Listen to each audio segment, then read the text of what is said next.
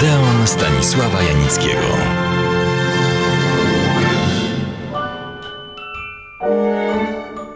Kontynuując opowieść o niezwykłej włoskiej, ale i wszechświatowej aktorce i gwieździe Sophie Loren, przytoczę dwie z jej prawd życiowych, które cytowałem w poprzednim Odeonie. Nie muszę mówić, że są moimi ulubionymi, a brzmią one tak. Pierwsza. Umiem w dwunastu językach powiedzieć nie. I to kobiecie wystarczy. I druga. Na seksapil składa się w połowie to, co kobieta ma, w połowie to, co myślą, że ma. Wiemy już, jak wyglądało jej dzieciństwo i początki przygody filmowej. Pierwszymi filmami, które ujawniły jej osobowość, były między innymi Dwie noce z Kleopatrą, w którym Sofia Loren grała dwie role, w tym tytułową.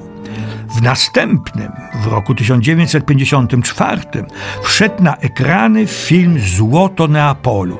I tu zaprezentowała nie tylko swą oryginalną i wprost przykuwającą urodę, przysłowiowy neapolitański temperament, który nie zna granic, ale także swój talent.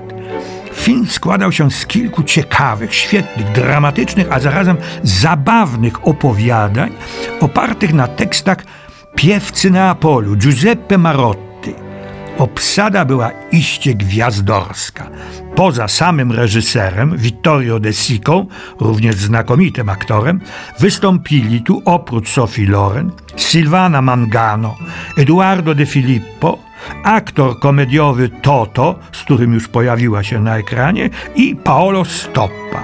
Tak na marginesie, to już był film wyprodukowany przez Carlo Pontiego, wkrótce jej męża, który dbał, żeby jego ukochana pojawiała się w dobrych filmach.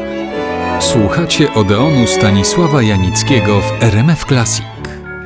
Te i inne filmy, nie tylko z Sofią Loren, były filmami amerykańskimi realizowanymi w Europie. Dlaczego w Europie? Bo w ten sposób filmowcy amerykańscy unikali płacenia wysokich podatków w swej ojczyźnie. Biznes is business. Sofia Loren pojawiła się w Hollywood dzięki skutecznym zabiegom swego producenta i ukochanego Carlo Pontiego. Zresztą była już wtedy cenioną i oryginalną aktorką, która niczyjej rekomendacji nie potrzebowała. Pobyt w Hollywood nie zapisał się złotymi zgłoskami w jej życiorysie artystycznym. Hollywoodzcy spece wykorzystywali przede wszystkim jej urodę, temperament i walory zewnętrzne. Żaden z filmów w fabryce snów nakręcony nie wykraczał poza poprawną przeciętność. Choć za czarną orchideę, w której wystąpiła z Anthony Quinnem, otrzymała na festiwalu w Wenecji nagrodę jako najlepsza aktorka.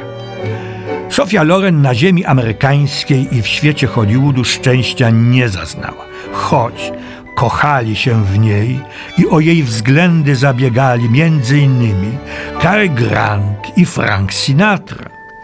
Wróciła więc na stary kontynent w 1960-61 roku, stworzyła swą największą, najlepszą, najbardziej wstrząsającą kreację w filmie Matka i córka w reżyserii Vittorio De Sichi. Scenariusz napisał Cesare Cavattini na podstawie powieści Alberto Moravi.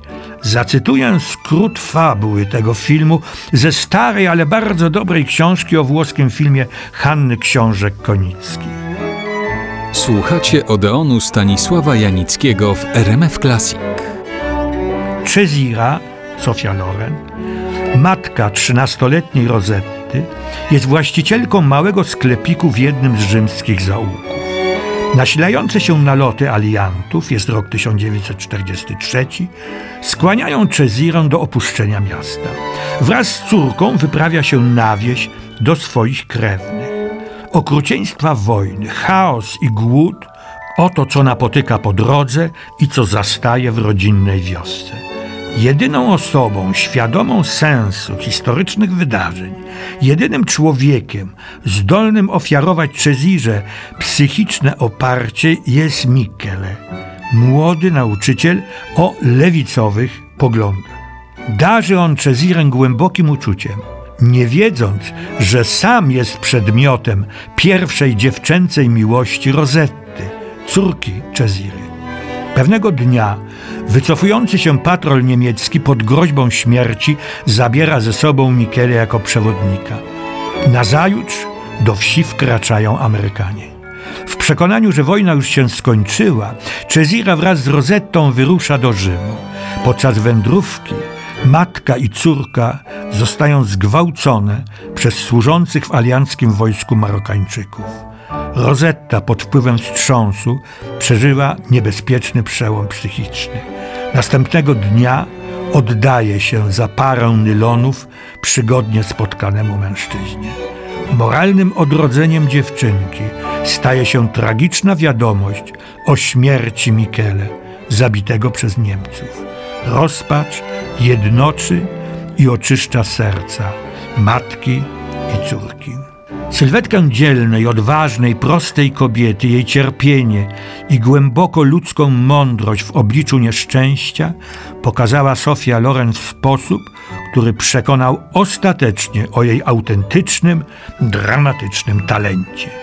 Oceniono go jednoznacznie i powszechnie. Posypały się nagrody. Hollywoodzki Oscar dla najlepszej aktorki. Nagroda dla najlepszej aktorki na wielkim prestiżowym festiwalu w Cannes. Włoska srebrna wstęga. W sumie otrzymała Sofia Loren za swą rolę w tym filmie 22 nagrody. Ale to wcale nie był koniec. Co zdarzyło się po tym niewątpliwym triumfie, opowiem za tydzień. Serdecznie zapraszam do Odeonu.